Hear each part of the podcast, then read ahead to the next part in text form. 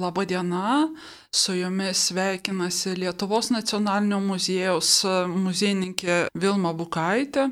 Norėčiau šiandien jūs papasakoti apie vieną iš Lietuvos nepriklausomybės akto signatarų dvasininkų Kazimierą Stepaną Šaulį. Tai, ko gero, iš keturių nepriklausomybės akto signatarų vienintelis toks dvasininkas, kuris tikrai nuo pat jaunystės jautė pašaukimą. Jau turbūt jums teko arba girdėti, arba patiems domėtis, kad tos kartos XIX amžiaus pabaigos žmonės labai vertino dvasininko kelią pasirinkusi giminaitį savo šeimoje ir netruputį spausdavo gabius artimuosius rinktis dvasininko pašaukimą. Ir kartais jie jį galbūt ne tiek jautė, kiek pasirinkdavo tokį kelią vardan pareigos, gerbdami savo tėvus, rūpindamiesi savo broliais ir seserimis. Ir kitų trijų signatarų istorijose yra tokių užuominų, kad tas pajautimas dvasininko pašaukimo ne iš karto atėjo, tuo tarpu Kazimieras Stepanas Šaulys atrodo šitą savo kelią rinkosi labai brandžiai, labai tikslingai.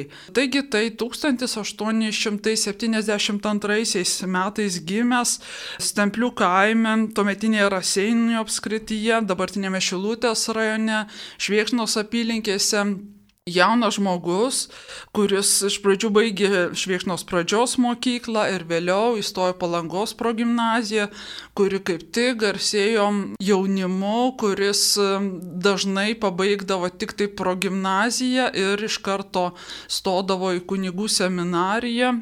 Ir Tarp palangos progymnazijos moksleivių Kazimieras Stepanas Šaulys garsėjo labai gerais pažymiais ir matyt, kad iš karto jau tokiu rimtumu rengimusi dvasininko keliui. Iš progymnazijos jisai 1891 metais išvyko į Kauno kunigų seminariją priklausiusią Žemaičių viskupijai ir ją pabaigęs išvyko toliau į Sankt Peterburgo katalikų dvasinę akademiją. Ten mokėsi net keturis metus, o tai reiškia, kad jisai ją baigęs įgyjo teologijos ir kanonų teisės magistro laipsnį, kuris dabar prilygtų mokslų daktarui. Jis apsigynė net dvi disertacijas - pasaulietinę apie Krilobo pasakėčias ir, ir teologinę, apie Savanorolos, vieno iš atskilusių nuo bažnyčios dvasininkų mokymo įdingumą. Ir 1899 m. Birželį vyskupas Mečislavas Leonardas Paliulionis išventino šį jauną kunigą, šį jauną žmogų ir jau tuo metu Kazimieras Stepanas Šaulys buvo 27 metų amžiaus, tikrai brandus jaunuolis, ypač kaip tiems laikams, kai žmonės anksčiau subręsdavo ir atrodo, kad iš karto tapęs dvasininku jisai labai kryptingai pradėjo veikti ir sielovados, ir socialinio darbo srityje. Ko gero, jį labai įkvėpia popiežiaus Leono XIII enciklika Rerum Novarum, kuri ragino dvasininkus neužsidaryti savo teologiniam, savo parapijiniam, tokiam grinai su Dievo žodžio sklydimu susijusiam darbe, bet ieškoti ryšio su parapijos žmonėmis, rūpintis neturtingaisiais, rūpintis kažkokiais atstumtaisiais. Ir Tikrai nuo pat kunigystės darbo pradžios Kazimieras Stepanas Šaulys į šitą darbą įsitraukia.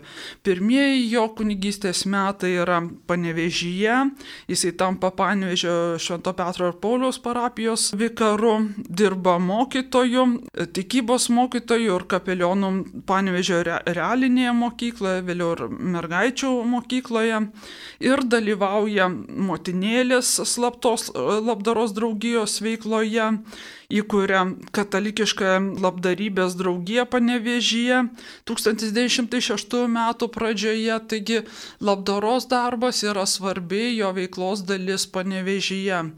Ir kartu jisai jau domisi tais dalykais, kurie siejasi su politika. 1905 metais jisai dalyvavo didžiajame Vilniaus Seime, kuris vyko Vilniuje, dabartinės Filharmonijos pastate, visai netoli Marijos radio Vilniaus studijos, kur susirinko net 2000 Lietuvo žmonių ir tarp jų buvo labai daug dvasininkų. Tuo metu bandyta įkurti Lietuvos krikščionių demokratų partiją, tas procesas nebuvo iki galo sėkmingas, tačiau Kazimieras Steponas Šaulys dalyvavo ir tuose susirinkimuose, kur buvo tariamasi dėl partijos įkūrimo ir nuveikti pirmieji darbai. Ir kartu matyti vyko pasidalinimas idėjomis, kur Kazimieras Steponas Šaulys irgi dalyvavo. Jisai jau 1906 metais išleido knygelę Krikščioniškoji demokratija, taigi pabandė apmastyti kažkokius tai idėjinius, telkiančius krikščioniškosios demokratijos pasaulyje žiūros dalykus raštu, panaikinus spaudos draudimą krikščionių demokratų ideologija, sakyčiau, patyrė tokį labai didelį postumį, kadangi buvo pradėta leisti nemažai katalikiškų žurnalų, laikraščių, daugelį jų. Kazimieras Stepanas Šaulys taip pat bendradarbiavo, jisai galbūt ne tiek buvo žinomas publicistas, kiek toksai ideologijos apmastytojas, kiek mokslo apmastytojas ir ypač kas susijęs su kanonų teisė, kas susijęs su sociologijos pradmenimis, su, su teologijos dalykais, su krikščioniškosios demokratijos politinių idėjų populiarinimu. Ir matyt, kad e, gabų dvasininką pastebėjo jo įtakingi kolegos jau 1906 metais Kazimieras Steponas Šaulys e, persikėlė iš Panevežio į Kauną ir pradėjo dėstyti toje pačioje Kauno kunigų seminarijoje, kurioje anksčiau mokėsi. Beje, reikia pasakyti, kad toksai įdomus ir matyt, kad jam šiek tiek lemtingas dalykas, kad jisai buvo būsimųjų viskupų Jurgio Matulaičio, Juozapo Skvirecko, Pranciškaus Būčio, Juozapo Kuktos e, bendramo mokslis.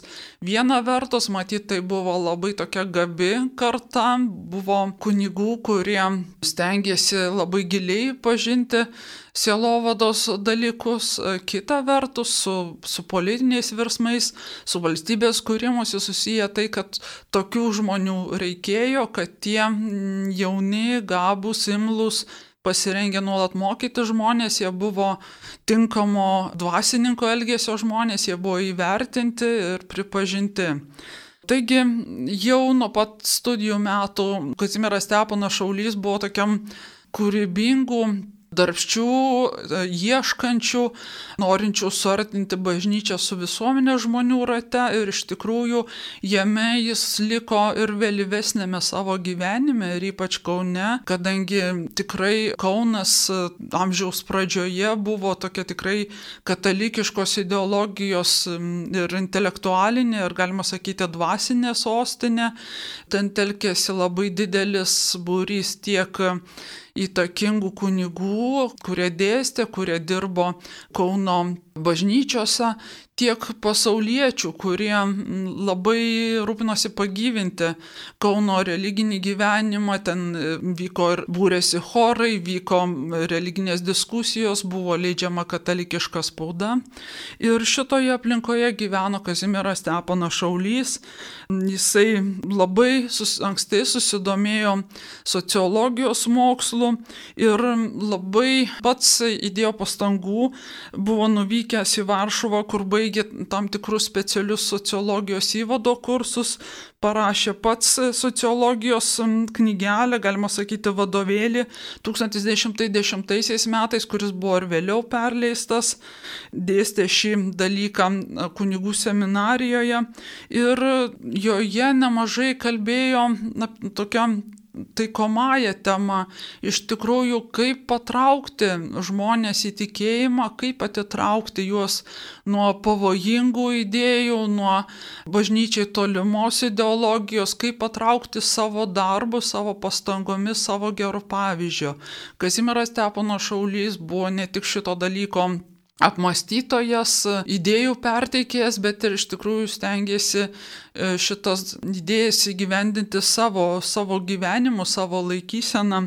Jau 1912 metais jis buvo paskirtas vyskupo Gasparos ir tauto sekretoriumi. Dar po poros metų žemaičių vyskupu tapo Pranciškus Karevičius, tas pačias pareigas Kazimieras Stepanas Šaulys perėmė ir tęsė toliau.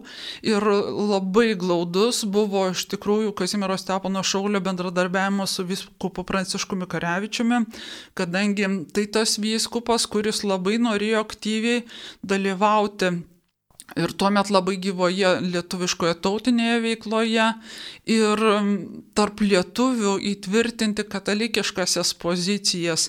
Ir reikia pasakyti, kad Žemaičių viskupijoje jam tikrai ganėtinai gerai sekėsi ir Kaunas tikrai neprarado to tokio selovados centro vaidmens ilgus metus. Jau 1916 metais Kazimiras Stepanas Šaulys toliau lipo galima sakyti, karjeros laiptais. Iš pradžių jisai buvo paskirtas kapitulos garbės kanauninku, 16 metais tikruoju kanauninku. Ir pirmojo pasaulinio karo metais Kaune, nors pats tas politinis pagrindinis centras buvo e, Vilniuje, tačiau Kaune taip pat buvo susibūrimai ir pirmiausiai aplink e, Justiną Staugaitį dirbusi aukštojo panemunėje, aplink vyskupą, kur žmonės svarstė politinės ateities klausimus. Reikia pasakyti, kad vokiečių okupatinės valdžios administracijos pareigūnai buvo nuo 1916 metų įsikūrę ir Kaune. Taigi nemažai ganėtinai gerai buvo kauniškiai lietuviai informuoti ir patys susiburdavo ir gindavo lietuvių teisės, kiek galėjo ir tuose susibūrimuose nuolat dalyvaudavo Kazimieras Steponas Šaulys. E, reikia pasakyti, kad vokiečiams artinantis vyskupas buvo priverstas išvykti 1915 m. pavasarį į Rusijos gilumą ir toje kelionėje jį kartu su keliais kitais kunigais lydėjo jo asmeninis sekretorius Kazimieras Stepanas Šaulys ir daugiau negu metus jie kartu prabuvo, galima sakyti, tokia priverstinėje egzilėje, priverstinėje, galima sakyti, netgi tremtyje. Ir 1916 16 metų vasarą grįžo į Lietuvą, kaip jau minėjau, įsiliejo į lietuvišką visuomeninį gyvenimą. 1917 metais vokiečių okupacinė valdžia ieškojo būdų prisijungti Lietuvą ir tai padaryti lietuvių rankomis. Todėl jinai sutiko, kad būtų surinkta lietuvių konferencija ir šitoje konferencijoje būtų sukviesti Lietuvos inteligentai. Vis dėlto iš tikrųjų tas sprendimas leisti lietuviams patiems išrinkti e, lietuvių konferencijos dalyvius, o vėliau ir jų, jų įgaliota Lietuvos taryba, leido konferencijos rengėjams suburti tos žmonės, kurie siekė Lietuvos nepriklausomybės. Ir tarp pakviestųjų į šitą konferenciją, tarp pačių tokių pirmųjų pakviestųjų Kauno įgaliotinių, kurie dalyvavo netgi rengiant konferenciją, buvo ir Kazimieras Steponas Šaulys. Lietuvų konferencijoje jisai buvo išrinktas į Lietuvos tarybą ir tenai nuolat dalyvaudavo institucijos posėdžiuose. Tai tikrai e, labai veiklus, energingas žmogus, nors reikia pasakyti, kad e, toksai kauniškių dvasininkų lyderis ir iš vis galbūt kauniškių vienas iš lyderių buvo Justinas Taugaitis, galbūt energingesnis, atkaklesnis, nors Kazimiras Stepano Šaulys taip pat buvo labai nuoseklus, jis buvo nu, toks nuoseklus Lietuvos nepriklausomybės, demokratinės santvarkos gynėjas ir labai dažnai dalyvavo dalyvaudavom svarstant su bažnyčia susijusius, tai kunigų seminarijose dėstymo lietuvių kalba, santykių su bažnyčia klausimus. Ko gero būtų galima kelti tokią prielaidą, kad jisai buvo vyskupo Pranciškaus Karečiaus tarsi vietininkas Lietuvos taryboje. Į tokia įtakinga figūra ir kartu labai užimtas žmogus ir kartu bažnytinės erdvės atstovas vyskupas Karevičius galbūt jis ir nerizikavo ir gal negavo leidimo dalyvauti Lietuvos tarybos veikloje. Tuo tarpu, kai jis turėjo savo sekretorių šioje institucijoje, buvo ir puikiai informuotas ir kai kurias žinias perdodavo ir net pats vyskupas yra vykęs nekartam politiniais klausimais susitikti Berlyne su vokiečių pareigūnais ir vėl šitam perdodavo per šaulį. Taigi per Kazimierą Stepono šaulį galima sakyti žemaičių vyskupas e, dalyvavo Lietuvos valstybės kūrimo darbe. Tarybos posėdžiuose Kazimieras Steponas Šaulys dažniau atstovavo tam tikrą centro poziciją, jisai dažniau tapdavo oponentu tarybos lyderiui Antanui Smetonai ir labai įdomu, kad krikščionys demokratai e, gindami savo pasaulyje žiūrą kartais netgi susivienydavo su keturiais kairiaisiais Lietuvos tarybos politikais. Tiesa, po lietuvių konferencijos Vilniuje paraleliai kartu kaip ir Rusijoje 17 metų rugsėjai buvo įkurta Lietuvos krikščionių demokratų partija ir žinoma, tarp jos pirmųjų narių buvo Kazimieras Steponas Šaulys. 1918 m. vasario 16 tikrai turėjo būti viena iš džiugiausių šio signataro gyvenimo dienų. Ta diena kartu su kitais kolegomis jisai pasirašė svarbiausią Lietuvos 20 amžiaus politinį dokumentą - Lietuvos nepriklausomybės aktą. Jau vėliau, 1919 metais, atrodo, kad daugiau savo laiko, daugiau energijos jisai skyrė bažnytiniai veiklai, katalikiškai veiklai. Sakyčiau, jisai buvo tarptų politikų, kurie Lietuvos taryboje, tuo met, kai daugelis įtakingų kultūros, politikos žmonių publicistų buvo pasitraukę į Rusijos gilumą, tuo metu galima sakyti, jisai tarsi buvo mobilizuotas į valstybinę veiklą, tačiau joje aktyviai dalyvauti iš tikrųjų nesiekė, taigi nekeista, kad jisai nedalyvavo formuojant, tarkim, vyriausybės, Tačiau ruošiantis steigiamojo Seimo veiklai jau matome tam tikrą vėl Kazimiero Stepono Šaulio suaktyvėjimą. Jisai buvo paskirtas į steigiamojo Seimo vyriausią rinkimų komisiją 1919 m. gruodį ir pats dalyvavo steigiamojo Seimo rinkimuose, kuriuose jam gerai pasisekė, iš tikrųjų jisai pateko į steigiamą į Seimą ir ten nebuvo labai aktyvus. Ko gero, pirmiausiai dėl to, kad matyt, kad jisai vėl gynė bažnyčios pirmiausia interesus, siekdamas įstatymuose ir, ir ypač konstitucijoje, kad būtų įtvirtintas reikiamas bažnyčios vaidmuo, taip pat, kad būtų išspręstas bažnyčios žemėvaldos klausimas, tuo metu labai aktyvus, aktualus. Ir um, tikrai tarp krikščionių demokratų buvo daugybė labai įvairių politikų, dvasininkų ir pasauliečių, kurie gerai pasirūpino likusiais klausimais, tuo tarpu Kazimieras Stepanas Šaulys būtent šitą temą daugiausiai kalbėjo ir daugiausiai pasiūlė įvairių korektūrų formuluojant įstatymus. Ko gero, būtent bažnytinė veikla ir kartu dėstymas neseniai įkurtame Lietuvos universitete jie atitraukė nuo galutinai nuo politinės veiklos, jisai pasitraukė iš e, steigiamojo Seimo 1922 metais, bet dar nesibaigus steigiamojo Seimo kadencijai ir tai buvo toks paskutinis ryškus politinis potepis jo biografijoje. Toliau mes matome pedagoginę veiklą, visuomeninę, partinę, dvasininko darbą, Ganytojiška veikla, aišku, pedagoginė veikla galbūt labiausiai matoma ir labiausiai ryški, tačiau nemažiau svarbus buvo ir jo vaidmuo administracinėme darbe.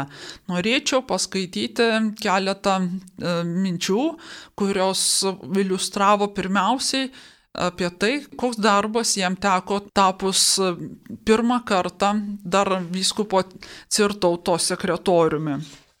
Taigi, sekretoriaus pareigavietė buvo tuomet žemaičių viskupijai svarbi ir atsakinga. Viskupija didelė ir plati, arti pusantro milijono katalikų dviejose gubernijose - Kauno ir Kuršo. Vyskupams teko nuolat ginti katalikų teisės Peterburgo ministerijose, Vilniaus generalgubernatūroje, savose gubernijose. Neturint reikiamo patyrimo ir kanceliarinio stažo, reikėjo sekretoriai pačiam mokytis, studijuoti rusų valdžios įstatymus, aukštųjų administracinių vietų viešas ir neviešas instrukcijas, sekti naujai leidžiamus ir keičiamus nuostatus, susirašinėjimas buvo vedamas keturiomis kalbomis sekretoriaus darbo diena tęsiasi 20 valandų. Iš tikrųjų, kaip matom, labai įtemptas e, laikas ir kodėl pasitraukė iš steigiamojo Seimo. Kazimieras Stepanas e, Šaulys rašė taip atsiminimuose. Nebegalėjau, nebeįstengiau atlikinėti įmanomai naudingiau ir sažiningiau visų turėtojų ar pavestųjų pareigų dėl laiko stokos. Seimas reikalavo iš savo narių anuomet valstybės atkūrimo pradžioje labai daug darbo, atiduodant jam visą laiką ir energiją. Iš tikrųjų, iš pradžių, kaip jau minėjau, Kazimieras Stepanas Šaulys dėstė Kauno kunigų seminariją, universitete jis iš jo e, pradėjęs dėstyti pasitraukė iš seminarijos, bet ten ganėtinai sėkmingai tęsė pedagoginį darbą, tapdamas universiteto docentu, ekstraordinariniu profesorium, o 1927 metais jis tapo ordinariniu profesorium ir dėstė šioje aukštojo mokykloje beveik 22 dviejus metus, taigi netgi iki pat Lietuvos okupacijos ir ilgiau, faktiškai užsiemimai Vytauto didžiojo universitete tęsiasi iki pat 44 metų vasaros. Ir tarp studentų Kazimieras Stepanas Šaulys dėstęs kanonų teisę ir sociologiją, kitus bažnytinius dalykus, jisai pagarsėjo kaip toks labai santūrus, bet e, kartu labai e, geranoriškai bendraujantis dėstytojas. Viena vertus jis atrodė ganėtinai prieinamas, noriai skolindavo studentams knygas, noriai sutikdavo padiskutuoti su studentu, jeigu jam reikėdavo kažkokio patarimo, jeigu reik, nu, kažkoks iškildavo neiškumas besiklausant paskaitų. Kita vertus, jisai nuolatos išlaikydavo ir tam tikrą nedidelę distanciją, tas jo prieinamumas jis netapo tokiu familiarumu, per dideliu betarpiškumu. Visą laiką bendraudamas su aplinkiniais jisai tam tokia nedidelė distancija šiek tiek pabrėždavo, galbūt siekdamas išlaikyti pagarbų tarpusavio bendravimą. Jeigu jūs kada užsuksite į signataro namus esančius Vilniuje, pamatysite, kad yra išlikę nemažai labai gražių Kazimiero Stepono Šaulio nuotraukų, netrodo, kad jisai būtų labai mėgęs fotografuotis, tačiau kai fotografuodavosi, tiesiog labai gražiai nuotraukose yra užsifiksavęs jo tam tikras susikaupimas, pasitempimas, jo tokia santūri elegancija. Prelatas Mykolas Krupavičius apie Kazimierą Stepaną Šaulį sakė taip, kad tai žmogus, kuris buvo lieknas tiesus kaip miško pušelė, galva nešama tiesiai, judesiai laisvi, natūralūs, šypsena neapleidžia lūpų ne tada, kai jis vienas eina. Veidas ramus ir giedras, elegantiškas, žino visas poniškas manieras ir salionuose moka laikytis tarsi būtų rūmuose gimęs. Mėgsta draugiją ir joje jaukiai jaučiasi. Ar su ministeriais kalbės, ar su kaimo ūkininku, šaulys tas pats. Kalbos netrūksta, tema vis susiranda, bet neplepys.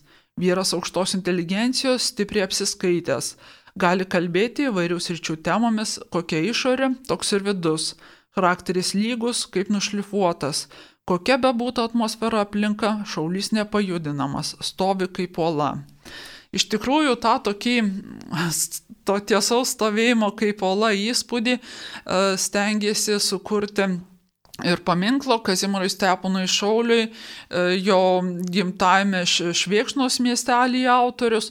Šio paminklo modelį galima pamatyti Vilniuje signatarų namuose, o norint pamatyti visą paminklą, susidaryti pilną įspūdį ir ypač apie jo gimtąjį miestelį, reiktų apsilankyti Šviekšnoje, kur stovi tiesa vėlyvesnė, bet tikrai e, labai iškili, labai aukštais bokštais e, Šviekšnos bažnyčia tas toksai nuolatinis pasitempimas ir tiesumas ir santūrumas, tokia vidinė elegancija iš tikrųjų lydėjo Kazimierą Steponą Šaulį visą gyvenimą.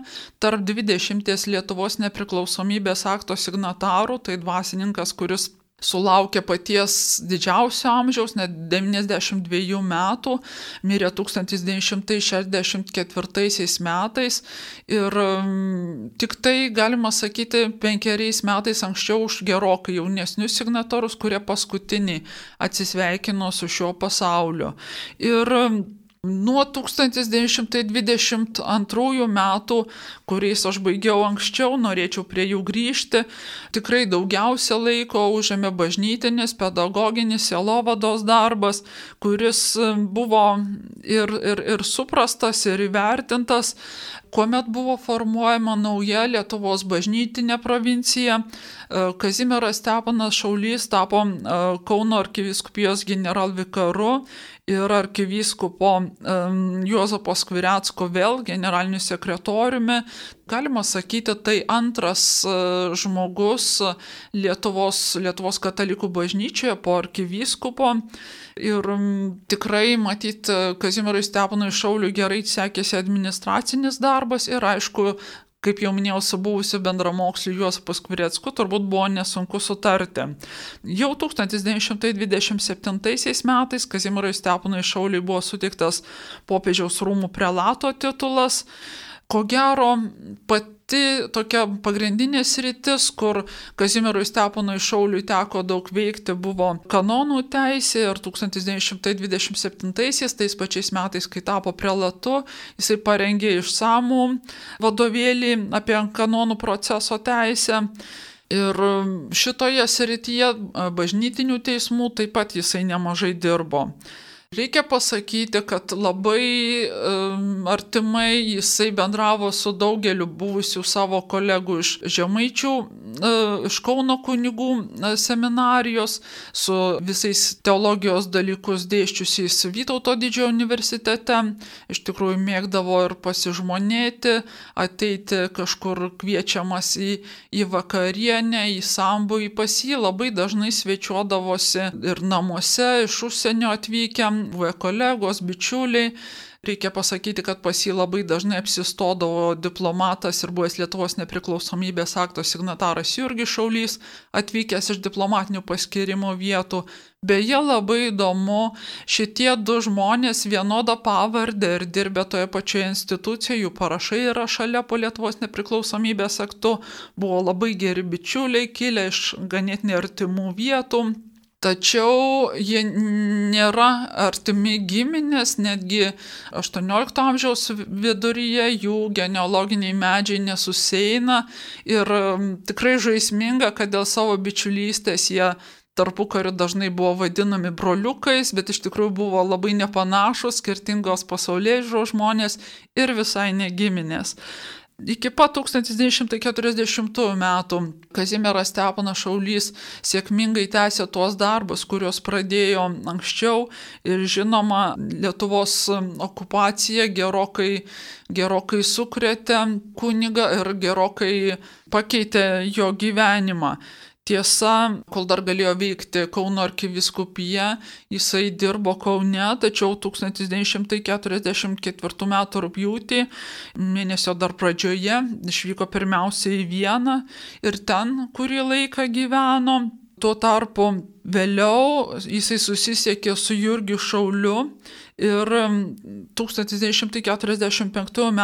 gruodį išvyko į Šveicariją, į Luganą, kur jau gyveno Jurgis Šaulys ir ten apsigyveno Šventos Brigitos vienuolynė, kur praleido daugelį savo gyvenimo metų, beveik, beveik 20 dar metų pragyveno Lugane.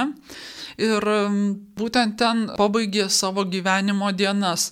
Yra išlikę Amerikos balso įrašų padarytų su Kazimieru Steponu Šauliu. Akivaizdu, kad Lugane jį nuolat lankė Europoje gyvenę išeivijos inteligentai, jisai palaikė ryšį su Lietuvos diplomatijos šefu Stasiu Lozoraičiu, matyt, kartais tokie įvykdavo pasie svečiuojantis ir neformalūs politiniai pasitarimai, jisai palaikė ryšius su egzilėje veikusiais lietuvių dvasininkais ir su Jozapu Skvirecku ir su prelatu Mykolu Krupavičiumi. Ir atrodo, kad jo, jo gyvenimas išeivijoje irgi buvo ganėtinai prasmingas, turiningas. Matyt, kad vienuolės jį buvo apglobusios, jeigu taip galima pasakyti, didelių rūpeščių ir didelę pagarbą, nes netgi ir dabar tame pačiame Šventos Brigitos vienuolynė yra likęs prelato kambarys, tai tiksliau monsinjoro kambarys, jau vėliau jis gavo monsinjoro rangą ir kaip matom netgi tiek daug metų praėjus, 50 metų praėjus jo atminimas ten neužmirštas. 1968 metais Kazimiero Stepono Šaulio palaikai buvo perkelti į Verano kapinės Romoje, kur yra Romos lietuvių katalikų kolegijos dvasininkijos palaidojimo vieta. Ir iš tikrųjų Verano kapinėse galima susirasti tą tokią vietą, kur, kur yra ir lentelė su Kazimiero Stepono Šaulio pavardė. Per visą savo gyvenimo laikotarpį Kazimieras Stepanas Šaulys liko ištikimas krikščionių demokratų ideologijai. Žinoma, jo idėjas, tos siekius buvo įgyvendinti lengviau krikščionių demokratų valdymo laikotarpiu, tačiau ir šiai partijai esant opozicijoje, Kazimieras Stepanas Šaulys labai aktyviai talkino patiems veikliausiams katalikiškų organizacijų vadovams. Ir čia reikėtų pasakyti, kad ne vien grinai partinių organizacijų, tačiau ir ateitininkams, angelaičiams, pavasarininkams, taip pat juos talkino, rėmės, juos konsultavo jų e, lyderius ir daug prisidėjo prie katalikiškos veiklos išlaikymo, kartais netgi galima sakyti jo pusiau pogrindžio sąlygomis, matyt, kad rėmė ir lėšomis. Ir norėčiau pabaigai pacituoti teiginį apie krikščioniškąją demokratiją, kaip šią, šią sritį dar amžiaus pradžioje įsivaizdavo Kazimiras Stepanas Šaulys. Taigi, demokratų veiksmas apkabina visų rušių darbus. Dirbdamas ant įvairių laipsnių visuomeniškosios lipinės dėl patiesimų tikrųjų pamatų teisybei, tiesai, lygybei. Reikia, kad krikščioniškoji idėja persėdus visus sluoksnius kvepuotų visose visuomenės ir politikos dariniuose. Taigi matome, kad Kazimieras Stepono Šaulys suvokė krikščionišką idėją kaip tokią visuomenę jungiančią, telkiančią idėją, skatinančią ir, ir lygybę, ir tarpusavio pagarbą. Matyt, kad šitomis savybėmis buvo pagristas ir jo paties gyvenimas ir jas taikydami savo kasdienybėje šiais laikais mes, galima sakyti, vykdome šio Lietuvos nepriklausomybės akto signataro iškilaus dvasininko priesakus. E, tuo norėčiau baigti savo pasakojimą apie Lietuvos nepriklausomybės akto signatarą, steigiamojo Seimo narį, iškilų Lietuvos katalikų bažnyčios ir krikščionių demokratų veikėją Kazimierą Stepaną Šaulį. Su jumis buvo Lietuvos nacionalinio muziejaus muziejininkė Vilma Bukaitė.